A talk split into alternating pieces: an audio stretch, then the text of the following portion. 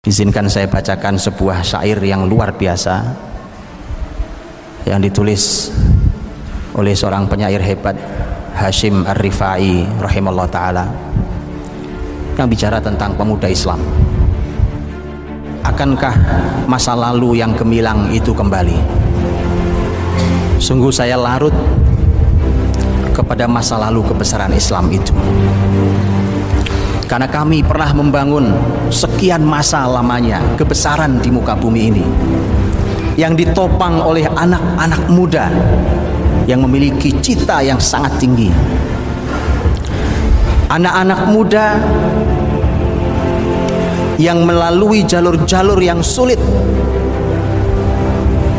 Tapi mereka berhasil menaklukkannya.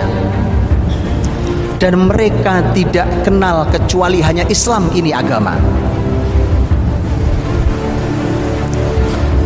kalau di siang hari kalian saksikan mereka adalah para ksatria yang menggedor benteng-benteng kekafiran dan kemunafikan tapi kalau di malam hari kalian tidak akan jumpai mereka kecuali mereka sedang bersujud pada Allah Subhanahu wa taala.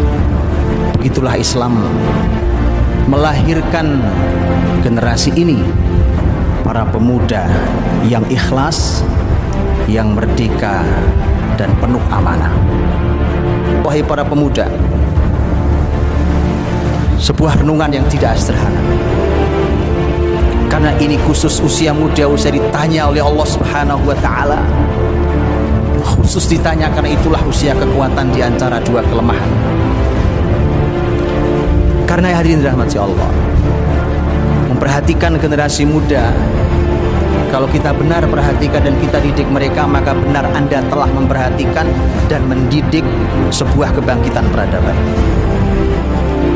Karena seluruh data yang saya paparkan di atas tadi adalah merupakan sebuah data sejarah yang ternyata Allah ingin berikan sentuhan bahkan orang-orang besar yang diabadikan dalam kitab suci pun ternyata generasi-generasi muda.